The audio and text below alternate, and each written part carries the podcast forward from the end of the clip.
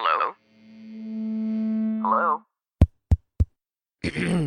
Podcast Network Asia.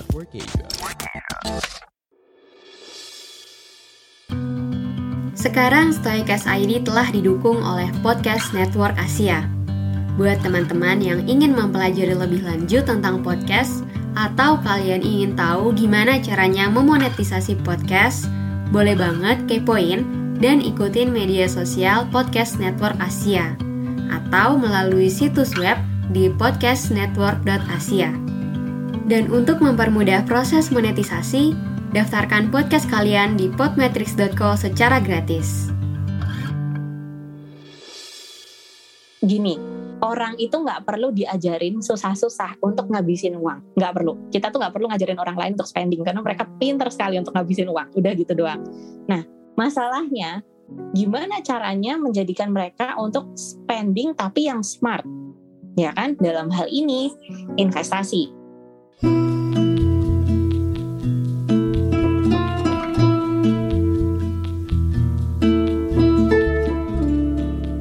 Halo, apa kabar teman-teman? Berjumpa lagi dengan saya Sita Putri di episode terbaru Stoicast ID.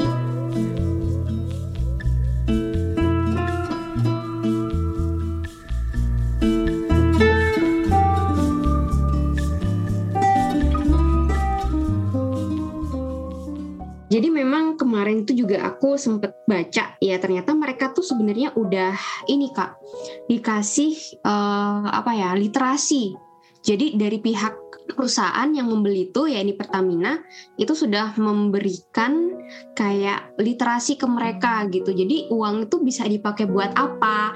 Bisa buat investasi segala macam. Tapi ternyata setelah diberikan uangnya tidak sesuai dengan yang diharapkan gitu dan akhirnya jadi seperti ya yang diberitakan gitu. Jadi susah banyak malah ngutang lagi gitu kan sebenarnya. Jadi eh, yang aku pengen tekanin mungkin ya ada nafsu yang kita nggak bisa kontrol gitu dari diri dari dalam diri manusia itu sendiri gitu. Saya dari filsuf stoik pun eh, bilang kita itu miskin bukan karena kita itu nggak punya apa-apa tapi karena kita tuh menginginkan yang berlebihan. Betul. kayak gitu. Jadi kita itu sulit untuk merasa cukup kak. Nah gimana sih kalau dari pandangan kak Fani sebagai eh, apa certified financial planner untuk eh, kita mampu bisa mengendalikan nafsu kita yang kita tuh pengen ini pengen ini untuk memunculkan rasa Hmm. cukup itu gitu dalam Wah ini pertanyaan yang menarik sekaligus jawabannya. Mungkin mudah didengar tapi nggak mudah dipraktekin ya kan. Jadi kayak gini, kalau untuk em, dalam case ini yang kita lihat si miliarder tuban ini ya, coba kita lihat dan kita put ourselves into their shoes gitu ya. Mereka ini kan petani, sehari-harinya mereka bertani gitu kan.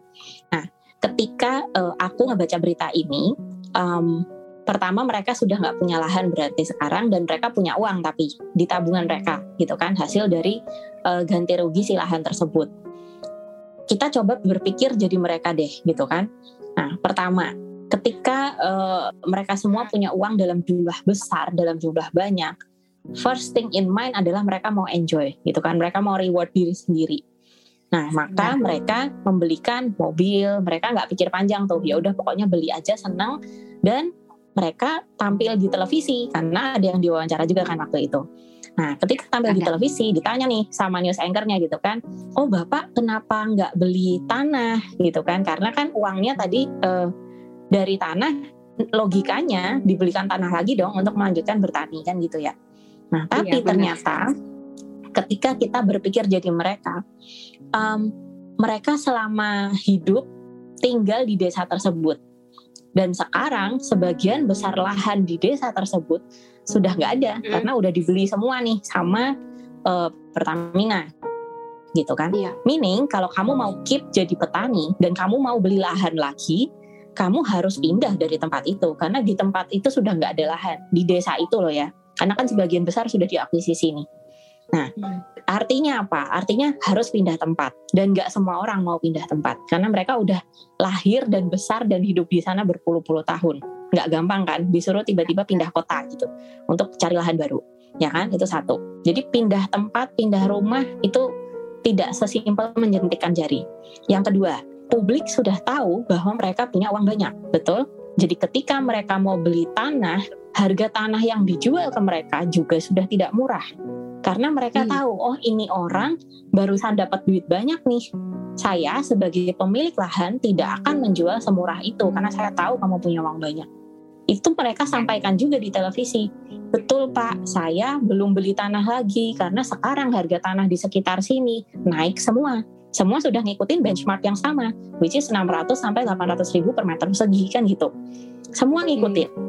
Alhasil mereka pending dulu beli tanahnya, ya kan? That's what happens. Mereka pending beli tanahnya. Nah, tapi all they know is about bertani. Mereka hanya tahu bertani karena seumur hidup mereka bertani, ya kan? Jadi ketika mengharapkan uh, kerja di Pertamina kan ada juga nih yang terakhir-terakhir cukup uh, heboh juga karena mereka nuntut dipekerjakan di Pertaminanya sendiri. Sementara ya background pekerjaan dengan apa yang dibutuhkan mungkin oleh Pertaminanya tidak match, betul kan? Karena ya selama ini ya all they know about is bertani gitu. Karena tidak match, maka lesson learn-nya di sini menurut aku adalah satu literasi finansial sangat penting. Ya kan? Jadi ketika kita dapat nominal uang yang signifikan misalkan Sita gitu tiba-tiba uh, menang undian berhadiah dapat berapa M gitu ya? Atau misalkan Sita seorang atlet tiba-tiba menang uh, olimpiade dan dapat nominal 5 M gitu kayak kemarin dapat medali gitu kan? Terus itu dapat hadiah gede gitu. Mungkin itu bisa terjadi. Nah pertanyaannya apakah kita tahu itu harus dibelanjakan ke mana ketika dibelanjakan ke mana maka yang harus dipahami adalah kita harus taruh itu sebagai aset yang nilainya tidak turun kalau bisa meningkat malah Nah, okay. dibelikan aset yang nilainya meningkat dan ngegenerate cash untuk kita hidup. Itu satu. Yang kedua, kita harus investasi nggak cuma dalam bentuk uang atau physical atau um, nominal value-nya tadi, tapi juga investasi ke diri sendiri. Para petani ini kalau mau tiba-tiba quote unquote pivot karir kan susah ya nggak mereka nggak punya nih skillnya untuk tiba-tiba jadi pegawai kantoran atau mungkin jadi pebisnis yang lain. Nah untuk itu, aku juga encourage teman-teman yang dengerin di sini untuk investasi ke diri sendiri karena dunia cepat berubah nih di sekitar kita. Kita perlu membekali diri sendiri untuk bisa beradaptasi. Ke depannya apa nih yang dunia butuhkan? Gitu. Apakah saya bisa ngikutin? Kalaupun enggak, apakah saya bisa menciptakan lapangan pekerjaan saya sendiri? Misalkan seperti itu.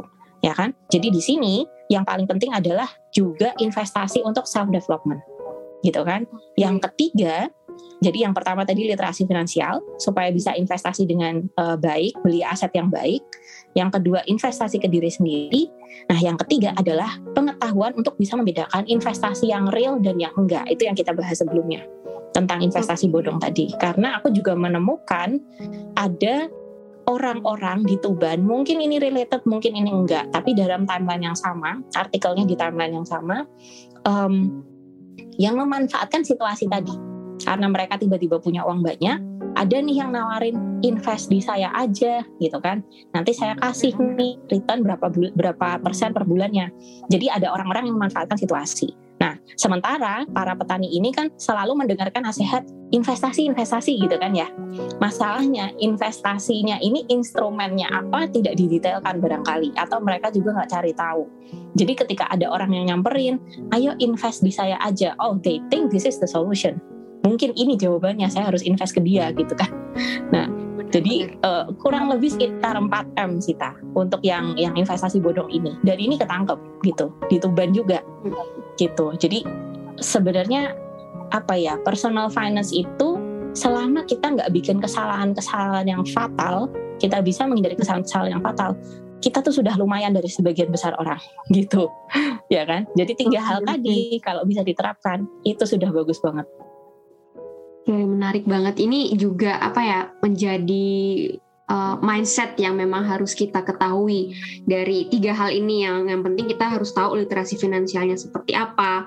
Kemudian ketika kita dapat ya rezeki nomplok durian runtuh istilahnya, jangan lupa buat investasi juga ke diri sendiri gitu karena upgrade diri itu juga nggak kalah penting daripada kita upgrade kantongnya nggak mm -hmm. sih kak?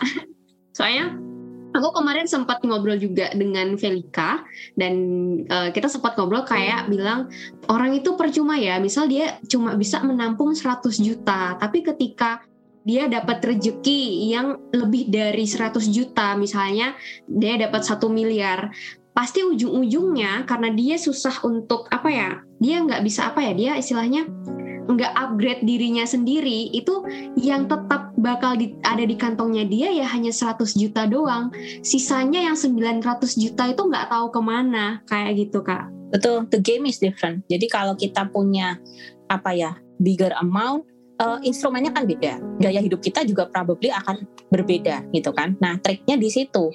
Ya. gimana caranya kita bisa nge-keep gaya hidup kita uh, seminim mungkin seminim mungkin dan semin kita nggak enjoy ya tapi ya maksudnya tetap di maintain Iya. level of enjoymentnya untuk saat ini juga tapi selama kita bisa live below our means dan kita gedein porsi yang untuk investasi yang untuk masa depan actually we are doing great gitu Oke oke, I see.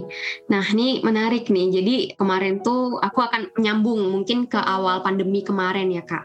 Di tahun 2020 itu yang aku baca dari eh, data Indonesia Stock Exchange, eh, Bursa Efek Indonesia, ternyata jumlah investor di Indonesia tuh bertambah sangat banyak dan menjadi yang terbanyak dari eh, 10 tahun terakhir gitu atau sepanjang eh, Bursa Efek Indonesia itu dibuka.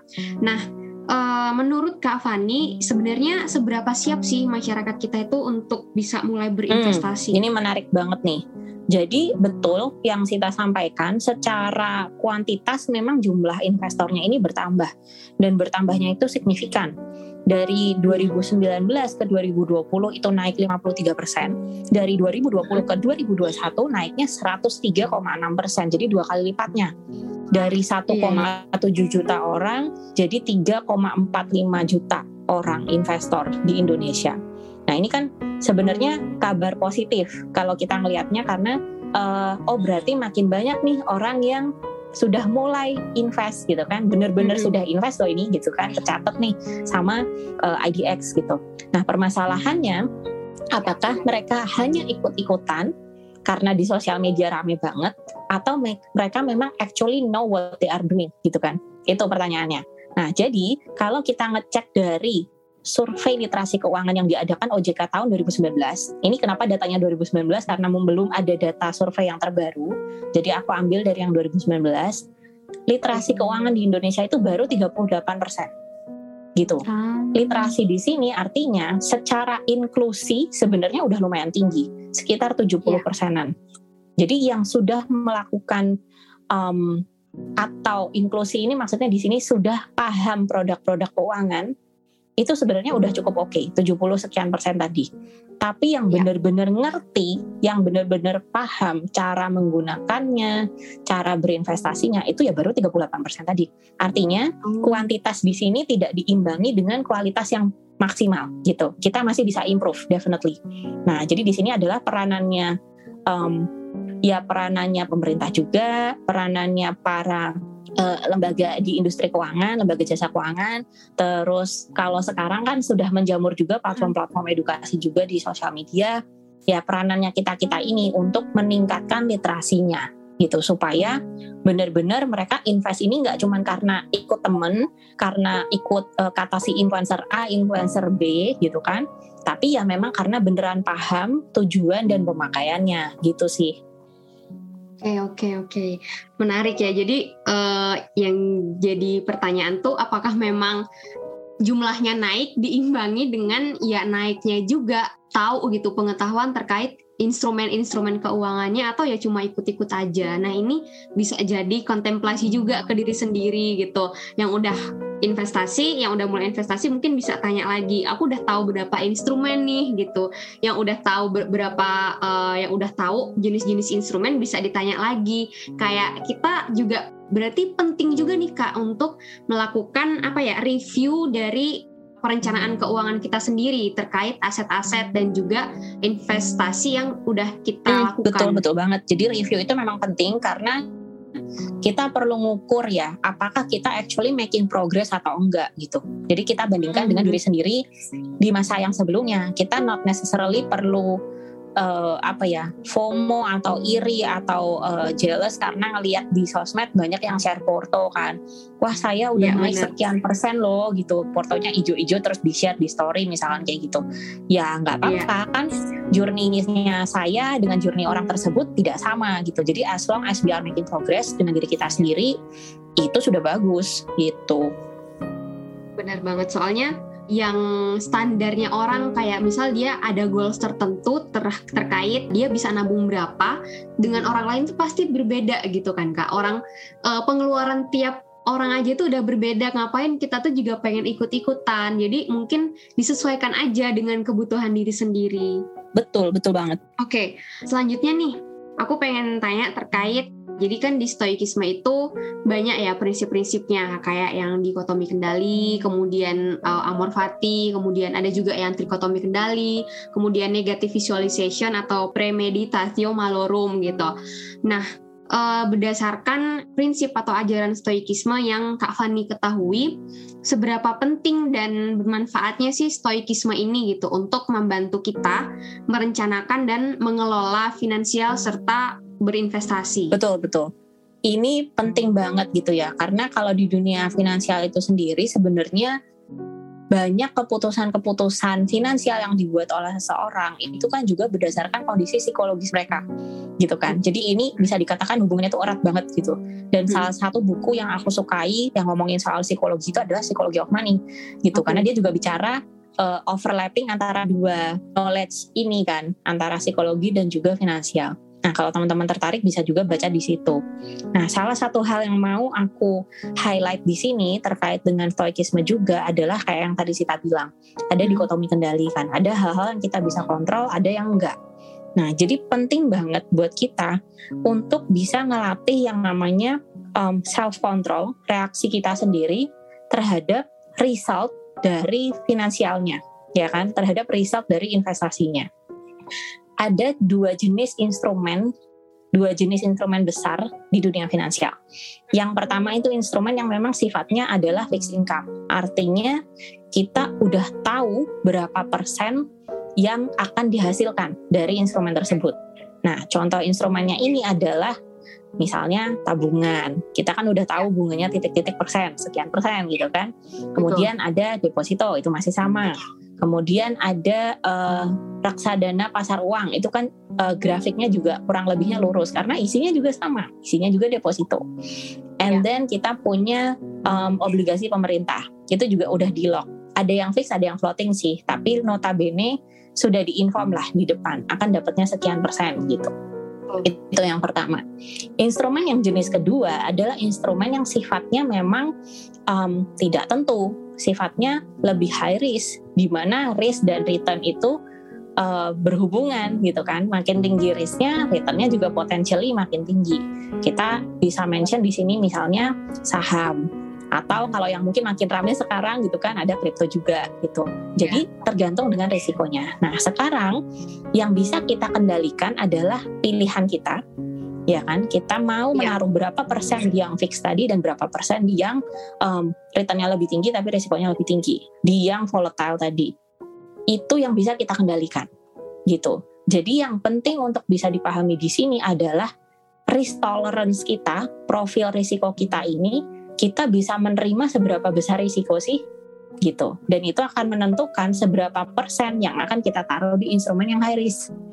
Nah ini bisa mengontrol um, apa ya pikiran, ketenangan dan kenyamanannya kita gitu loh. Karena mungkin tidak semua dari kita bisa memantau setiap hari ya kan. Marketnya yeah. sih buka nih gitu Senin sampai Jumat atau kalau kripto malah uh, 24/7 gitu beneran harus uh, bisa dicek setiap saat. Nah, apakah kita siap untuk yeah. bisa ngeliatin itu atau memang kita punya comfort level yang berbeda. Nah, masalahnya comfort level di sini itu bisa dilatih Dilatihnya dengan apa? Dengan edukasi. Ketika di awal-awal kita mungkin belum terlalu nyaman, kita mau lebih banyak di fixed income, nggak masalah. Hmm. Gitu. Tapi yang penting kita punya choice untuk memang meningkatkan comfort level kita. Kita belajar lebih banyak, kita bisa ngerti instrumen-instrumen yang lebih high risk tadi, dan dengan begitu kita lebih nyaman untuk ngambil gitu. Kita lebih nyaman untuk ngambil, dan jadinya kita bisa um, apa ya meningkatkan risk tolerance kita tadi. Nah, terus yang menurutku penting juga adalah kita perlu paham bahwa ada hal-hal yang udah pasti di dunia ini. Contoh yang udah pasti itu pensiun. Kita udah pasti pensiun ya kan. Nah, hmm. jadi alangkah baiknya ya kita mulai menyiapkan um, aset-asetnya itu dari sekarang gitu. Pensiun itu udah pasti. Hmm. Yang kedua, kita perlu nyiapin uh, improve earning power kita Nah, improve earning power kita itu gimana caranya? Ya dengan investasi ke diri sendiri, gitu kan? Dengan investasi ke diri sendiri, kita memang benar-benar bisa meningkatkan uh, income, gitu. Investasi itu bagus untuk retention, bagus untuk ngekip kita supaya kita nggak jatuh ke kesalahan-kesalahan finansial. Kita bisa ngalahin inflasi dan kita bisa prepare untuk hari tua kita nanti. Tapi jumlahnya itu sangat dipengaruhi dengan income kita. Income yang kecil dengan income yang besar akan menghasilkan return yang beda juga. Nah, hmm. jadi yang perlu ikut dipikirkan adalah ngegedein income-nya, gimana caranya gitu kan. Nah, yang ketiga menurut aku yang ini adalah uh, mungkin sangat berhubungan juga dengan stoicisme. Okay. Um, kita hope for the best, tapi kita juga prepare for the worst gitu kan. Yep Betul. Kita memang perlu banget nyiapin itu. Oke, nggak apa-apa kita berpikir positif, tapi ya, kita nggak bisa ngegaranti itu kan. Banyak hal-hal yang di luar kontrol kita. Jadi yang penting adalah udah kita cari aja baseline-nya. Kita harus punya dana darurat untuk ketika terjadi emergency, kita perlu punya proteksi. Kemarin udah bahas kan sama Velika. Nah, harus ya. punya proteksi. Alasannya apa ya supaya kalau sakit, kalau um, ada kecelakaan atau ada sesuatu, ya ada asuransi nih kita sudah nge-transfer risiko kita ke dia jadi kita punya peace of mind untuk actually bisa fokus sama hal-hal yang lain nah hmm hal-hal seperti ini semakin sering dilatih, semakin sering dibiasakan, makin lama kita akan makin wise untuk bisa bikin keputusan-keputusan finansial yang lebih baik. Jadi ini penting untuk bisa dilatih terus. Semakin kita dikelilingi orang-orang yang punya apa ya pola pikir yang seperti ini juga, itu akan sangat membantu. Jadi pendengar uh, podcast ini juga pelan-pelan pasti akan mulai terlatih nih dengan mindset-mindset yang udah Sita bawakan setiap kalinya di episode-episodenya Sita. So I guess this is a good job, Sita. Thank you Kak. Memang betul sih gitu. Soalnya dari yang aku baca di stoikisme pun kayak ini bisa juga ternyata. Karena aku pun menerapkan uh, prinsip dari stoikisme itu nggak hanya untuk kehidupan apa ya sehari-hari yang membutuhkan apa ya masalah tetap akan datang. Tapi ternyata ketika aku memutuskan untuk apakah aku mau beli saham ini? Kenapa? Gitu. Nah itu tuh juga ternyata melibatkan prinsip-prinsip stoikisme itu sendiri gitu. Apalagi yang tadi Kak Fani bilang kita prepare for the worst gitu. Ya makanya kenapa banyak orang bilang kalau investasi itu pakai uang dingin yang memang kamu nggak akan pakai uang itu dalam jangka waktu yang apa ya jangka waktu yang deket-deket ini gitu. Jadi ini memang sangat e, menarik gitu untuk kita praktekkan walaupun mungkin ya nggak apa-apa kalau merasa masih agak kesulitan karena yang namanya belajar pasti adalah tantangannya seperti itu. Betul betul banget. Oke kak, uh, terakhir terakhir nih kak aku pengen nanya uh, untuk teman-teman di sini mungkin boleh kasih tipsnya nggak? Soalnya tadi sempat nyebut kripto juga, terus kemudian yang akhir-akhir ini lagi rame NFT gitu. Kadang orang itu uh, melihat orang lain punya profit dengan banyak, mereka tuh kadang jadi ikut-ikutan, padahal mungkin belum tahu, belum paham banget sebenarnya kripto itu apa. Aku aja dijelasin terkait blockchain sama uh, pacarku sendiri itu aku masih yang ini apa gitu. Meski aku udah mulai paham, oke okay, blockchain, tapi aku belum kayak yang bener-bener literally paham gitu. Ada tips nggak buat teman-teman pendengar uh, gimana caranya biar kita itu nggak ikut-ikutan orang lain, misalnya nggak FOMO terkait ya instrumen kripto ini yang sedang ramai diperbincangkan. Oke, okay. wah ini menarik banget nih. Thank you Sita buat pertanyaannya. Menurutku uh, dunia di sekitar kita itu memang perubahannya cepat banget, ya kan? Kayak mungkin sebenarnya crypto has been around itu udah lama banget, Bitcoin itu udah ada dari lama banget.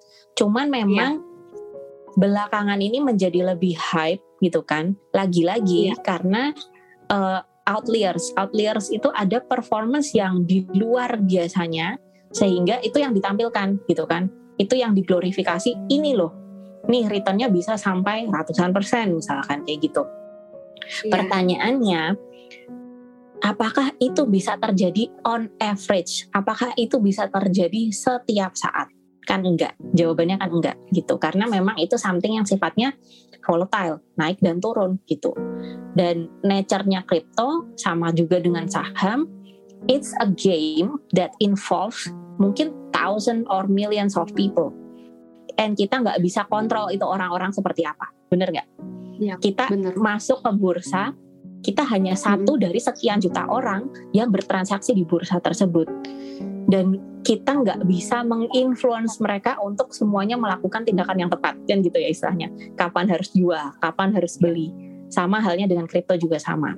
Nah jadi yang bisa kita lakukan adalah setidaknya kita punya conviction untuk bisa menentukan tindakan yang tepat dengan perspektif kita sendiri gitu. Mm-mm. supaya tidak ikut-ikutan dan ketika nanti ternyata hasilnya tidak sesuai prediksi kita juga nggak nyesel. Karena at the end of the day either kita win or kita learn. Ya kan? Iya we don't lose gitu. Karena kita dari awal udah set ya memang budgetnya ini sekian uang dingin lagi-lagi jadi ketika ini ternyata oh eh, ada lesson learn yang bisa diambil itu tidak berjalan sesuai rencana it is okay nggak apa-apa. Kita namanya juga masih belajar. Maka kita juga belajar nggak langsung jebret masukin berapa puluh juta gitu. Nggak dong kita kan mulai dari kecil-kecil dulu gitu kan celup-celup kaki dulu gitu. Jadi supaya tidak FOMO dengan yang ditampilkan di sosmed satu-satunya cara menurutku adalah kita harus coba. Kita harus coba eh, dengan nominal yang mungkin nggak terlalu banyak dulu dan harus dipelajari benar-benar harus dipelajari. Em, ini yang menurutku lebih susah karena itu melibatkan self discipline kan. Apakah kita benar-benar mau actually set aside our time untuk belajar, untuk ikut course, untuk baca uh, artikel or buku tentang saham, or belajar di artikel di internet, or even buka YouTube. Literally information atau learningnya itu abundant. Itu banyak sekali gitu. Pertanyaannya apakah kita beneran melakukan itu atau enggak? Karena lagi-lagi nature-nya orang adalah cari shortcut. Nature-nya orang adalah pengennya cepet gitu. Iya, betul. Jadi ketika ada orang lain yang tiba-tiba ngomong udah ini aja kan ikut kata gue ini udah paling bener gitu kan Eh, Ya, apa ya oh brain kita itu otak kita tuh langsung oh yaudah nih ini informasinya lebih cepat udah difilterin orang lain kita nggak usah baca the real thing nah Iya. kita ketika ikut-ikut dan ternyata advice-nya itu salah ya kita harus terima konsekuensinya gitu memang itu yang harus diterima gitu jadi ketika kita mau benar-benar jadi investor yang proper ya eh, nggak ada cara lain. Memang harus dicoba harus belajar dan apa pun hasilnya itu diterima gitu. Kalau memang belum berhasil di awal it's okay. Namanya juga masih belajar tapi ditingkatkan terus. Jangan kapok juga gitu kan. Terus baru Hmm, apa drop sekali terus habis itu oh nggak mau saya nggak mau coba lagi. Jangan gitu juga gitu kan. Lagi-lagi Iya, kita iya. ingat yang tadi lagi aja pensiun itu pasti. Kita nggak mungkin Hmm. kerja terus sampai tua ya kan? Kita nggak mungkin betul. kerja terus sampai tua ada satu titik di mana fisik kita sudah menurun kitanya udah nggak bisa kerja seperti waktu muda dulu uh, dan tidak sebaiknya menggantungkan diri sendiri ke anak. Jadi ya udah let's prepare dari sekarang. Gitu Sita Oke, ini eh, tips yang sangat apa ya membantu sih buat aku juga gitu. Dan semoga buat teman-teman juga bermanfaat dan membantu. Dan eh, nggak terasa kita udah di penghujung episode kali ini. Dan aku akan eh, menutup obrolanku dengan Kak Stefani Adi. Dan semoga obrolan kami itu membuat teman-teman mendapatkan wawasan baru yang bermanfaat untuk diterapkan di kehidupan sehari-hari. Terutama kita lebih bijak dalam mengelola keuangan dan investasi. Dan terakhir nih Kak, kalau misalnya ada teman atau pendengar yang ingin eh, berdiskusi lebih lanjut dengan Kak Fani, mungkin ada nggak sosial media yang eh, bisa di-share ke kita? Oh boleh boleh. Kalau teman-teman nanti ada yang mau eh, tanya atau mau kepo-kepo, silahkan mampir. Aku lebih aktif di Instagram. Instagramku @stefani.adi. Oke, terima kasih Kak Fani sudah bersedia hadir dan berbagi di Stoikas ID. Sama-sama Sita, happy to help. Oke, semoga sehat selalu kita dan bisa ngobrol-ngobrol lagi dengan topik menarik lainnya. Dan terima kasih juga buat teman-teman yang sudah mendengarkan hingga selesai. Jangan lupa kasih rating untuk Stoikes ID ya, agar podcast ini bisa menjangkau pendengar yang ingin mempelajari tentang stoikisme lebih banyak lagi. Saya Sita Putri dan Dan saya Stefani Adi. pamit sampai jumpa di episode selanjutnya. Bye. Bye.